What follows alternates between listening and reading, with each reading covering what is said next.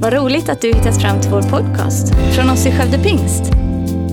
Vår bön är att den ska hjälpa dig förstå mer om vem Gud är, bygga din relation med honom och ge praktiska verktyg för ditt liv.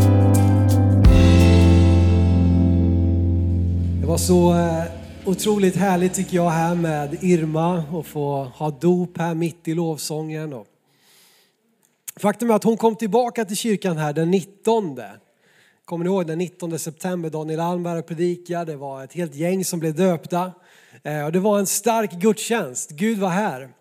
Eh, och eh, en annan sak som hände den söndagen, som jag vill bara dela med mig av så här i början, är att, att faktum är att hon som vi fick höra om här, som väldigt tragiskt, i alldeles för ung ålder, gick bort i cancer, dog i cancer här i natt. Hon var också här i kyrkan den 19 september för att vara med och bevittna ett av de här dopen. En person som inte har någon liksom koppling direkt till våra sammanhang och så. Men efteråt så hade hon brustit ut här ute, om det nu var i foajén eller hur det var, att det var det mäktigaste jag har varit med om, sa hon. Det var det mäktigaste jag har varit med om. Och nu personer i vår kyrka som har varit där och vakat eh, under slutet här frågade också, har du, har du en tro? Ja, nu har jag det, berättade hon. Nu har jag det. Så mitt i, alltså vi vet inte hur långa, långa våra liv blir. Men vi vet att genom tron på Jesus så behöver vi inte frukta döden. Vi behöver inte se döden som liksom sista punkten i våra liv. Utan det kan vara faktiskt fortsättningen på att vi får flytta hem till Jesus.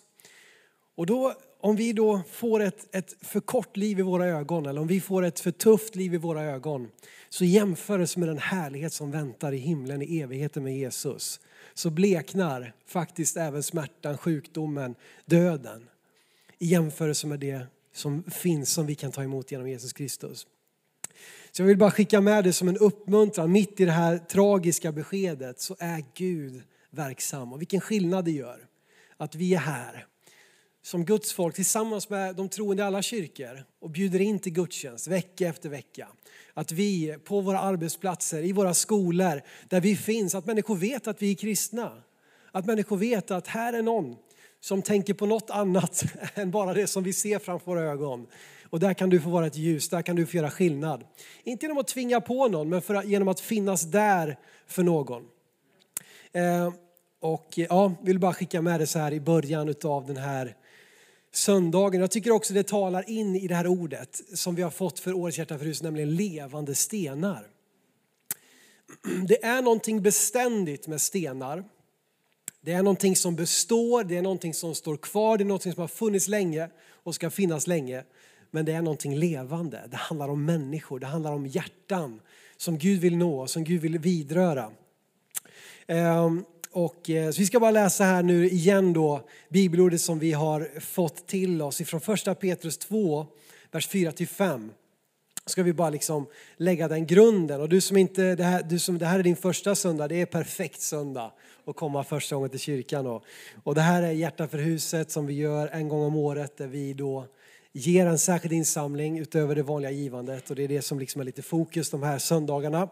Ehm, och jag predikade då om detta för två veckor sedan och Conny, underbar predikan här förra söndagen och idag fortsätter vi då med den sista tredjedelen. Eh, sista tredjedelen. Det blev som ett sportcitat här.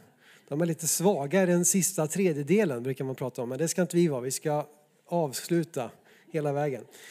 Det står så här första Petrus 2, vers 4-5. Kom till honom, Jesus Kristus den levande stenen förkastad av människor men utvald och dyrbar inför Gud.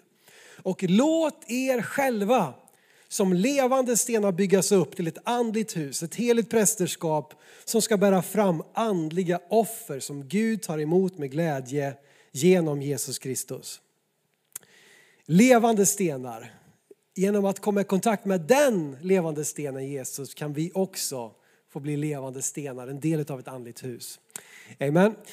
Eh, hörni, jag ska också bara hälsa ifrån från, från min fru Caroline. Eh, som ni hör, jag har, jag, jag låter lite täppt och så. Det är för att det liksom, vi har varit lite, som så många, så många just nu alltså som har sjuka barn och allt vad det är för någonting. Och det har dragit ut på tiden. Vi hoppas att de skulle vara här idag men de är här idag. Jag får ju applåder här ibland och så när jag ska predika, men det är som Solan konstaterade där efter DNA i tisdags, att de riktiga hjältarna, det är inte minst eh, min fru som, som styr upp så att det här funkar. Så hon är med hemifrån idag, så vet ni. Hörrni, förra gången så var det mycket fokus på människor, oss själva, att vi kan låta oss byggas upp. Men vi tror också på att det här med levande stenar också har med att vi behöver mötesplatser. Vi behöver någonting att bjuda med vänner till. Vi behöver någonting som står stadigt i stormen. Vi behöver kyrkor, byggnader, platser som människor kan få komma och möta Gud.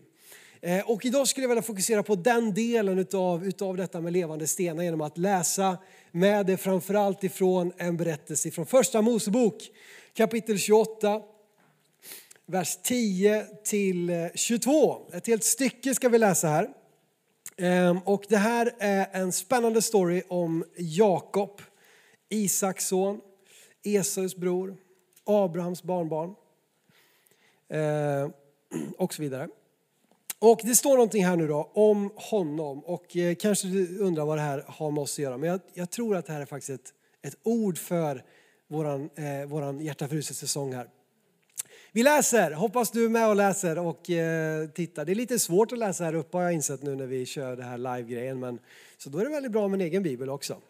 Eh, det står så här. Jakob lämnade Bersheba och begav sig mot Harran. Han kom till en plats där han måste stanna över natten eftersom solen hade gått ner.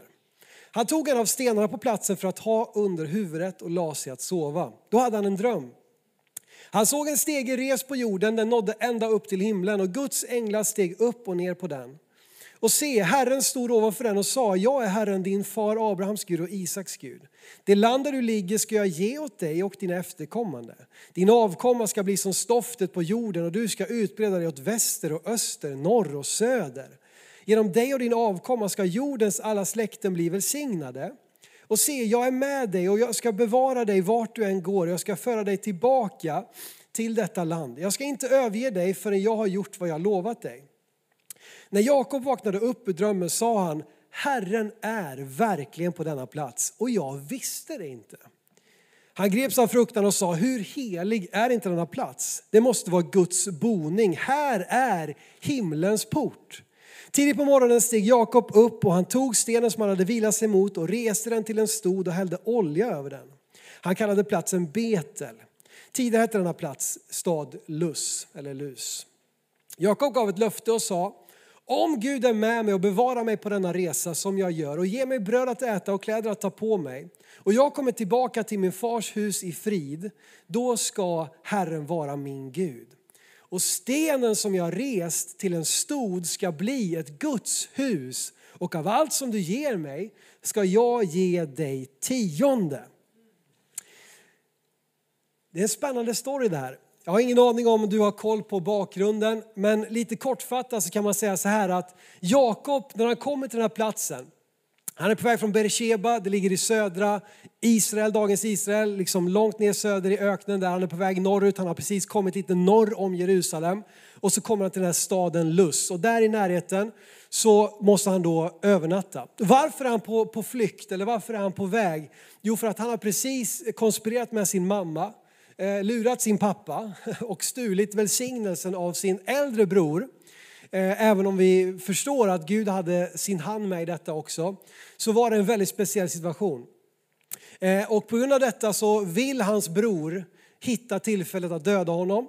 Plus att hans mor vill att han inte ska, liksom, ja, att han inte ska tappa sina rötter utan hon ska bege sig till hennes hem uppe då i Harran där hennes bror finns. Så att hon säger fly här, lämna härifrån i hast liksom, innan din bror gör någonting dumt och bege dig upp dit och där kan du hitta din fru och där kan du liksom få eh, sen komma tillbaka förhoppningsvis. Så Jakob han är i en personlig kris. Eh, han är på en jobbig plats, han är ensam, känner ni utsattheten? Ensam, visst han är i närheten av en stad men av någon anledning så måste han övernatta mitt där ute och han tar en sten till kudde. Eh, och det låter inte sådär jätteskönt. Eh, men där är han, ensam, på flykt, han vet inte vad som ska hända, han vet vad han har gjort. Säkert undrar han, var det rätt val? Har jag, har jag svikit min, min far? Eh, liksom, kommer jag aldrig mer kunna komma tillbaka? Det är den här platsen Jakob befinner sig på i sitt liv. När han lägger sig ner för att sova har han ingen aning om att Gud är verkligen på denna plats. Och det jag tycker är så fantastiskt med det här är just att Gud kommer och möter med Jakob där och då i hans livskris. Där han, man kan tycka att han på olika sätt ändå har syndat. Han har ju lurat, han har förfalskat. Eh, och ni kan läsa den storyn eh, innan om ni vill. Eh, men man kan tycka att han inte förtjänar ett gudsmöte här. Och så är det också. Vi förtjänar nämligen aldrig gudsmöten, utan det är ju av nåd. Men det jag ser här, det som är så fantastiskt är att Gud möter dig där du är. Gud möter dig där du är. Och ni som har gått i den här kyrkan ett tag vet att jag gärna när jag säger en sån sak lockas att citera den gamla sången. Jag vet inte om den är så gammal men det var en, en EFS-press som jag hörde någon gång eh, prata om Sackeus då i trädet, ni vet när Jesus kommer och säger Sackeus. Och så skrev han en sång som är så här att han älskar dig där du är, inte där du borde vara. Du är hans ögonsten som han vill bevara. Ja, det är svängigt då. Det är förmodligen, ja, han måste ju ha sjungit i ungdomskör, det hör man ju när man känner liksom gunget när han var ung alltså. Gud älskar dig där du är, inte där du borde vara. Och jag tycker det är, det är så, bara den saken, om du får med dig det härifrån idag om vilken Gud vi tillber, om vem vi predikar om, så vore det värt liksom inträdet kan man säga. Eh, där möter Gud honom. I en dröm visar han hur änglar går upp och ner på en stege liksom en himlens port. Att, att Gud är, liksom, även om inte han ser det, även om han är ute i ödemarken så är Gud där och verkar. Och tänk vad Gud, vad Gud verkar, även fast vi inte alltid ser det. Tänk vad Gud är igång och gör saker som vi inte kan förstå, som vi inte kan förtjäna, som vi inte kan betala. Men där och då så möter Gud Jakob. När Jakob är på sin sämsta, mest utsatta plats så uppenbarar Gud sig för honom. Och det verkar vara något som Gud älskar att komma till oss när vi liksom har räknat ut oss själva, när, när vi ligger där på, på nio liksom. Det har räknat ner och vi känner vi, vi, vi orkar inte mer, vi har tagit för många smällar. Ja, då kommer Gud och förvandlar situationen. Eh, och, och, Gud talar, Gud ger löften. Samma löften som han har gett hans pappa Isak. Samma löften han har gett hans farfar Abraham. Och det kanske största av allt är inte bara det att han lovar att han ska, genom honom ska bli ett stort folk, genom honom ska alla världens släkten bli välsignade. Utan han lovar, vad stod det i vers 15? Se, jag är med dig. Jag är med dig. Och jag ska bevara dig du ska få återvända. Han är ju på flykt just nu och vet inte, kommer jag någonsin komma tillbaka till mitt liksom fäderneland så att säga? Kommer jag någonsin kunna återvända? Och Gud säger, jag ska vara med dig. Jag ska bevara dig. Du ska återvända till den här platsen därför att jag är med dig. Och det här liksom kunde ju varit nog. Men det jag tycker är så fascinerande det är vad Jakob gör nu. Vad gör han? Han får ett gudsmöte.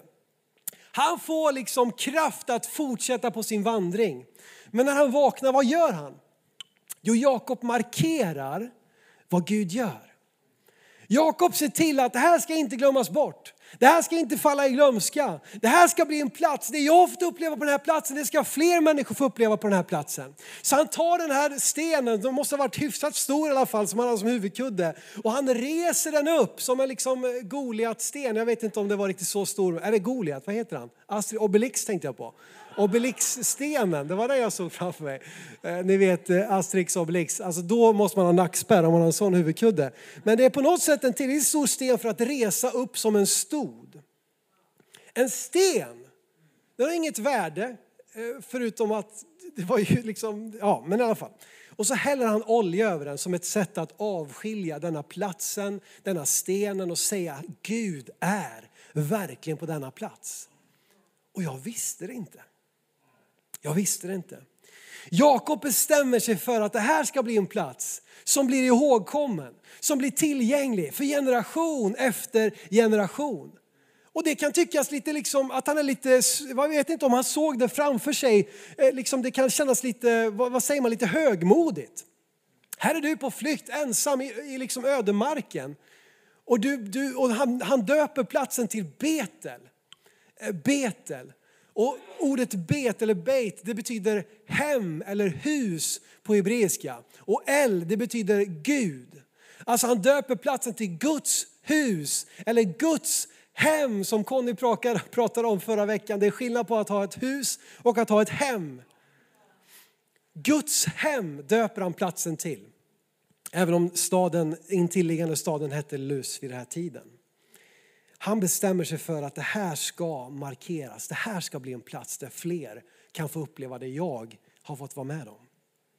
Så vad händer med Betel? Jo, följ med mig till första Samuelsboken kapitel 10. Nu är vi hos profeten Samuel, eller domaren Samuel. Eh, det har varit 400 år i slaveri i Egypten. De har återvänt. Det har varit ett x antal hundra år av domare. Alltså vi är nästan tusen år senare här nu. Eh, och så ska vi bara läsa, vi ska bara rycka en grej ur sitt sammanhang här. Som predikanter brukar göra. Men eh, det är en bra poäng. Nej då, det, jag tror ni, ni kommer köpa det här. Det står så här i första Samuelsboken 10.3 och Samuel nu, profeten håller på och instruerar Saul vart han ska gå. Då säger Samuel så här, när du har gått vidare därifrån och kommit till, till Tabors terebint ska du där möta tre män på väg upp till Gud i Betel. Du ska möta tre män som är på väg till Gud i Betel. Den platsen där Jakob nästan tusen år eller 800-900 år tidigare har legat liksom en, söm, eller en sömnlös, han sov ju gott, men en natt där ute i ödemarken och bestämt sig för att resa upp den här stenen, bestämt sig för att hälla olja över den, bestämt sig för att det här ska vara en plats som blir ihågkommen. Så är det människor många, många hundra år senare som fortsätter komma till Gud på den här platsen. Eh, och det är fantastiskt, alltså det här, eh, frånsett Jerusalem så omnämns Betel flest gånger av geografiska platser i hela gamla testamentet. Och när Israel splittrades, det blev två riken, det var ett sydrike, det var ett nordrike. Så i nordriket upprättade man två platser där man skulle kunna offra, man upprättade altaren till Gud. Det ena var i Dan uppe i norr, det andra var i Betel. Så att det här blir alltså en viktig plats. Allt för att Jakob bestämde sig för att det Gud har gjort i mitt liv ska inte stanna där. Det Gud har gjort för mig, det vill han göra för någon annan. Det Gud har välsignat mig med är inte tänkt att bara stanna för mig själv. Jag är välsignad för att välsigna. Så han bestämmer sig för att här ska markeras, här ska sättas ner foten. Och det blir en plats som generation i hundratals år så är det, det en plats som människor kommer för att möta Gud på. Människor kommer för att offra, människor kommer för att få, få, uppleva Guds närvaro i sina liv på samma sätt som Jakob. Och då kan man fundera på vad gör vi, vad gör du, vad gör jag med det Gud har gjort i vårt liv? Vi pratade här i veckan med en av de som ska bli döpt här senare just skillnaden på en privat tro och en personlig tro. Det är väldigt skillnad på det. Det är väldigt populärt idag i Sverige med privat tro. Ja, jag tror absolut. Man behöver inte skämmas längre för att säga att jag tror. Vare sig det är liksom i tv, eller artiklar, eller som artist eller som politiker. Jag har en tro så länge den är privat. Men det är skillnad på en privat tro och en personlig tro. För en personlig tro vill inte liksom hålla det för sig själv. Utan en personlig tro vill berätta, dela med sig. Så att det blir både en personlig och gemensam tro. Snarare än en privat och en kollektiv tro. Det fick ni lite nuggets for thoughts, eller vad säger man? Och vad händer då senare? Kommer Jakob tillbaka till Betel? Gud har ju sagt det, Jakob har sagt det. Och det, är häftigt också att utifrån vad Gud gör så börjar Jakob ge Gud löften. Han säger att, att, att liksom jag ska, om, om du för mig tillbaka då ska jag ge tionde av allt jag har. Vart kom det ifrån? Här är ju hundratals år innan lagen har kommit om tionde och vi vet att hans både pappa och farfar gav tionde. Men någonstans så en egen uppenbarelse. Jag behöver ge av det Gud välsignar mig med. Därför att han har mött Gud, han har fått en egen uppenbarelse, inte ett pålagt bud. Utan det är någonting när Gud träffar mig, då bara vill jag ge. Jag vill dela med mig, jag vill tjäna, jag vill, jag vill vara i förbönstjänst, jag vill offra. Därför att Gud har mörkt, han har märkt mitt hjärta. Han har gett mig det som inte kan köpas för pengar. Han har gett det som är mitt djupaste begär. Det har han fyllt med sin närvaro. Det där hålet i mitt inre. Du vet att, du ska få en till tanke här, men det är ofta så att ditt starkaste begär är väldigt sällan samma som ditt djupaste begär. Vi kan ha starka begär som väldigt ofta har att göra med det vi ser framför oss. Väldigt ofta kopplat till sex, makt, pengar. Starka begär som är liksom utanpå. Men väldigt sällan är det samma som ditt djupaste begär. Därför att ditt starkaste begär kommer bli till ett ännu starkare begär som till slut inte kan mättas. Men ditt djupaste begär, det är det som Gud vill komma och fylla med sin närvaro och sin välsignelse. Så kommer Jakob tillbaka till Betel. Han gör det. Vi ska läsa i första Mosebok kapitel 35. Och se att han faktiskt återvänder många år senare. Jag har inte räknat exakt men det måste ju vara dryga 20 år senare så återvänder Jakob till den här platsen. Då han varit uppe, han har fått faktiskt inte bara en fru utan två fruar och två bihustrur och det får vi spara till en annan predikan och försöka reda ut det. Dessutom, ja, vi släpper det. Han är gift kan man säga. Eh, och han har elva söner, han har en till som precis ska födas. Han är framgångsrik, han är rik, han, åter, han gick dit ensam, enkel, han gick dit utan någonting. Och han kommer tillbaka som en rik, framgångsrik eh, man i liksom piken av sin karriär. Han har elva söner, alltså det är den största välsignelse i den här tiden att få liksom ha så många söner som kan då ta vidare släkten och familjen och så vidare. Han är, han är en framgångsrik man i piken av sin karriär. Men han är på en väldigt dålig plats i sitt liv. Han fruktar nämligen för sitt liv. Han har problem i familjen, det är interna stridigheter. Än en gång, så även om han den här gången kommer till Betel som en framgångsrik, rik, liksom toppen av sin karriär man, så har han även denna gång behov i sitt liv. Han fruktar för sitt liv, han är rädd för att de omkringliggande folken ska utrota hans lilla familj, eller inte så liten, de är väl kanske 40-50 pers vid den här tiden ungefär. Eh, så den har vuxit och han har liksom stora ägodelar. Eh, men här så, i den här stora, nya stora livskrisen så kallar Gud på nytt Jakob. Kom upp till Betel. Kom upp till Betel. Gå tillbaka till den platsen där du mötte mig. Jag ska, jag ska visa dig att jag har varit trogen mina löften. Och vi läser här då, denna gång kommer han som sagt med hela sin familj och inte bara ensam. Han bygger ett altare för att hedra Gud. Och hedra att Gud har varit med honom så att han faktiskt har kommit tillbaka. Det var ju det löftet handlade om. Jag ska vara med dig så att du ska kunna återvända. Och så står det så här då i första Mosebok kapitel 35 och vers 9. Eh, 9 till, 9 eh, till 12 tror jag vi har skrivit. Vi bara hoppar in i det här sammanhanget där, när han är på den här platsen nu då. Eh, så står det så här att Gud visade sig på nytt för Jakob när han hade kommit tillbaka från Paddan Aram, eller Harran, alltså samma område som han har varit på. Och han välsignade honom. Gud sa till honom, ditt namn är Jakob, men du ska inte längre heta Jakob, utan Israel ska vara ditt namn. Och han gav honom namnet Israel. Gud sa till honom, jag är Gud den allsmäktige, var fruktsam, föröka dig. Ett folk, ja många folk ska komma från dig. Och kungar ska utgå från dig. Det land som jag gett till Abraham och Isak ger jag till dig och åt dina efterkommande ska jag ge detta land.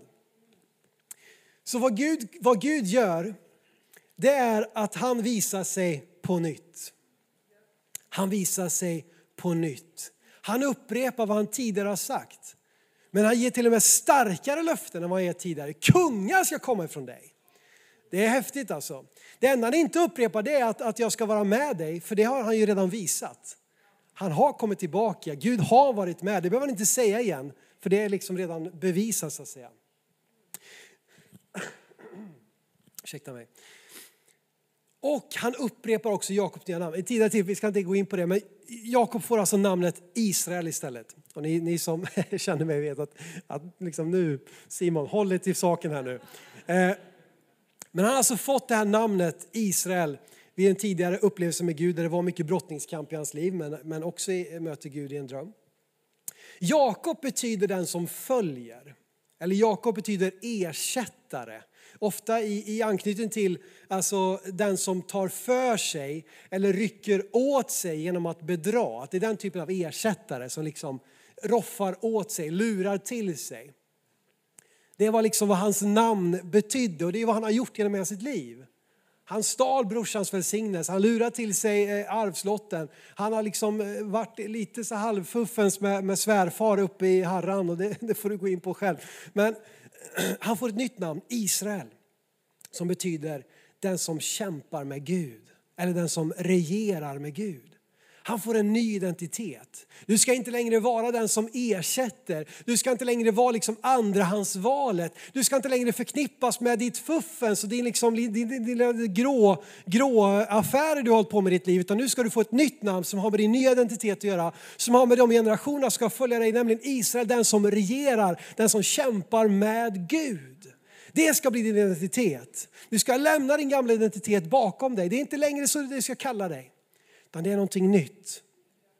Och det skulle inte bara vara namnet på Jakob utan skulle bli namnet på hans tolv söner som skulle bli Israels tolv stammar som gjorde att faktiskt folket blev ett stort och talrikt folk som gjorde att Jesus kunde födas som jude långt, långt många år senare i den här familjen som inte bara blev en familj utan blev ett helt folk genom vilka vi idag sitter här i Skövde 2021 och är välsignade genom Jesus Kristus och tron på honom. Ser ni att det hände någonting? Det betydde någonting att Jakob reste upp den där stoden. Att Jakob sa det här är Betel, det här är Guds hus, det här är Guds hem. Det här är en plats att möta honom på. Att han återvände, det var inte bara en ungdomsgrej, en häftig grej på, på liksom ungdomsläger. Det är lätt att säga att jag ska ge tionde på allt när man inte har någonting. Det är jätteenkelt. Det är väldigt enkel matematik. Men att komma och säga det och liksom återta eh, mitt i livet, att på nytt överlåta sig till Gud. På nytt överlåta sig till Gud, dina syften, dina planer. Och det handlar inte längre bara om Jakob utan om de som ska komma efteråt. Så vad har detta med oss att göra? Hoppas du redan känner att, att den helige Ande håller på och viskar till dig om saker, det är min bön. Men vad har detta med oss att göra?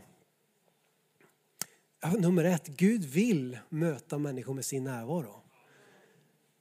Du vet att människor som inte ens vet, som bor här i Skövde, som bor i Skaraborg, som bor i Sverige, som kanske tittar online någonstans, som inte ens vet att Gud är på denna plats. Och jag visste det inte.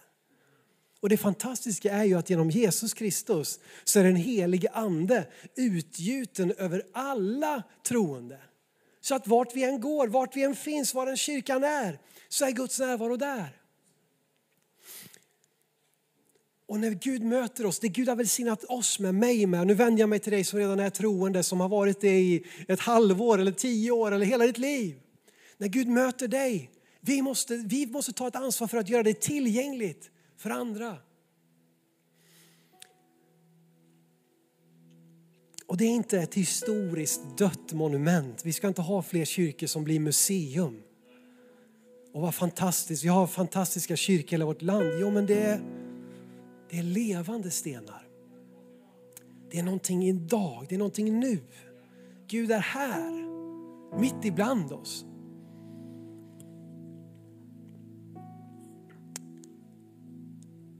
Och genom livet så kallar Gud oss tillbaka till Betel. Tillbaka till överlåtelsen, tillbaka till kallelsen, tillbaka till frälsningen.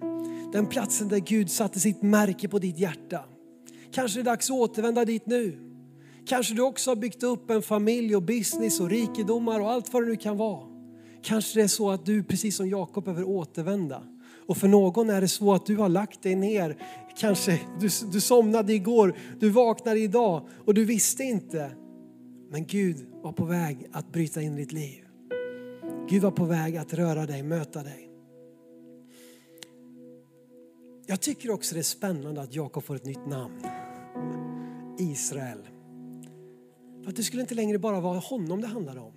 Det här är någonting som skulle gå nu. Hans tolv söner skulle bli till tolv stammar, skulle bli till ett folk, skulle bli till ett land, skulle bli till en nation, skulle bli till välsignelse för hela världen. Vi har i vår kyrka inlett en process om det är så att vi ska byta namn på vår kyrka. Varför då? Är det för att vi ska liksom bli hippa och följa någon trend? Nej, nej, nej, nej. Men är det så att likt Jakob fick en kallelse att inte längre bara bygga sitt hus utan bygga ett folk som skulle kunna bli större än hans liksom begränsade liv och hans begränsade plats han var på. Kanske är det någonting Gud kan tala till oss också om. Att det ska inte bara stanna här i Skövde innanför de här fyra väggarna. Eller, det är många väggar här, det är en konstig form på den här kyrkan. Men och nu, nu tycker någon, ah, det är typiskt Skövde pingst, de tror att de är någonting. de liksom, det, det ska vara så väldigt häftigt och det ska vara så, det ska vara så fancy. Absolut. Du vet att, att, att vi behöver, alltså vi, vi desperat så behöver vi resursstarka kyrkor som inte är på tillbakagång utan i tillväxt. Och vi har börjat smaka det. Vi har börjat nudda vid det. Vi har börjat känna att det blir ett, ett momentum, något vi inte måste krampaktigt verka fram i varje del, utan någonting som bara kommer. Alla de som blir döpta idag, vi har inte lyft ett finger, eller säga. eller det har vi, för vi har skapat en plats som, som människor hör om eller som man vill bjuda med till och så, men, men det, är liksom, det är Guds verk. Och vi behöver fler kyrkor och vi behöver, vara, vi behöver se starka regionala centra som kan välsigna och hjälpa omkringliggande församlingar på, på alla möjliga olika sätt. Liksom på alla sätt Gud leder. Vi var och besökte sjukhuskyrkan med teamet här i veckan hos Mikael Mattisson, vår sjukhuspastor. Han hade en jättefin samling, men det var någonting som han sa som jag hajade till om. Nämligen antalet medlemskyrkor i sjukhuskyrkan i vår region då, som är med och liksom pitchar in så att vi kan ha en, en sjukhuspastor. Fantastiskt arbete. Han sa när det startade 1981 då var det 120 församlingar som var medlemsförsamlingar. Liksom. Och idag så är det 80 församlingar 40 år senare. Han sa att en församling, vad han visste, har liksom aktivt sagt vi vill inte längre vara en del av sjukhuskyrkan för de kände att det var så geografiskt långt bort. Men 39 andra har antingen lagts ner eller slagits samman och upphört att existera. Nu är det liksom så att vissa saker kan ha med liksom urbanisering och saker det flyttar liksom från landsbygd till tätort och sådana saker. Men det sa mig någonting. Det här är våra region. Från 120 församlingar 1981 till 80. Och visst har det säkert startats en del som inte har kommit med just i arbetet och så vidare. Men det är inte min poäng här. Men jag vill frimodigt säga att vi vill göra allt vi kan att vara en kyrka som kan få vara en resurs och välsigna och bygga någonting större än oss själva. För helt ärligt, det är, liksom, det, det, det är till viss del ett krisläge i vårt land. Det är vad det är. Och det är inte av högmod jag säger det. Utan det är utifrån nöd för människor och generationer som ska komma och människor som inte ens vet att de ska bli frälsta. Som inte ens har ställt frågan, finns Gud? Det är för dem vi behöver fortsätta finnas. Det är för dem vi ger i hjärta för huset. Det är för dem vi bygger någonting här som inte handlar om någon människa utan som handlar om ett team som följer Jesus och älskar honom.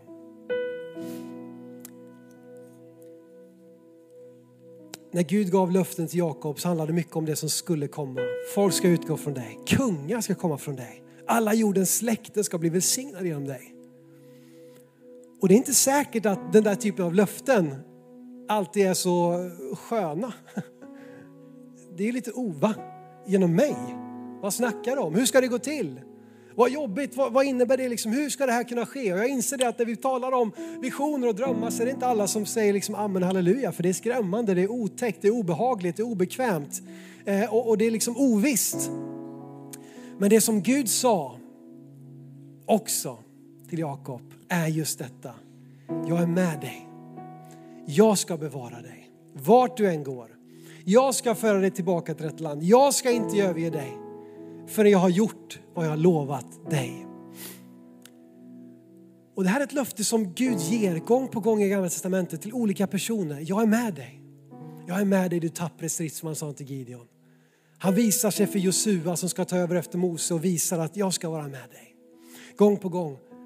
Men det har fortfarande begränsat antal människor. Men vet du vad det fantastiska är? Genom de släkten som kom utifrån Abraham, Isak och Jakob så föddes en man. Eller han föddes inte som man, han föddes som ett barn i Betlehem.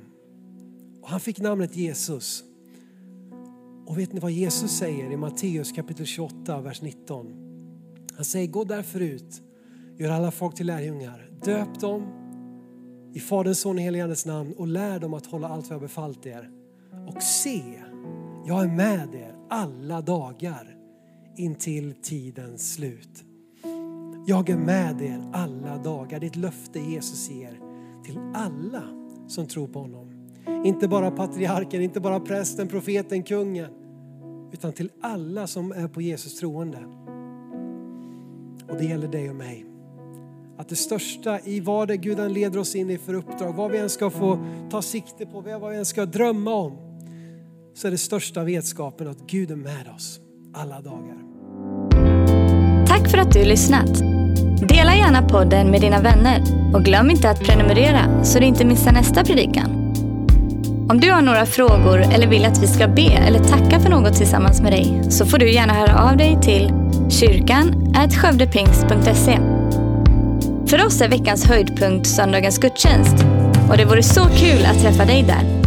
Våra team finns då redo att ta emot dig och det finns även egna samlingar för barnen.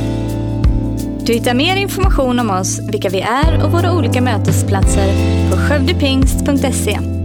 Gud välsigne dig och ha en fortsatt bra vecka.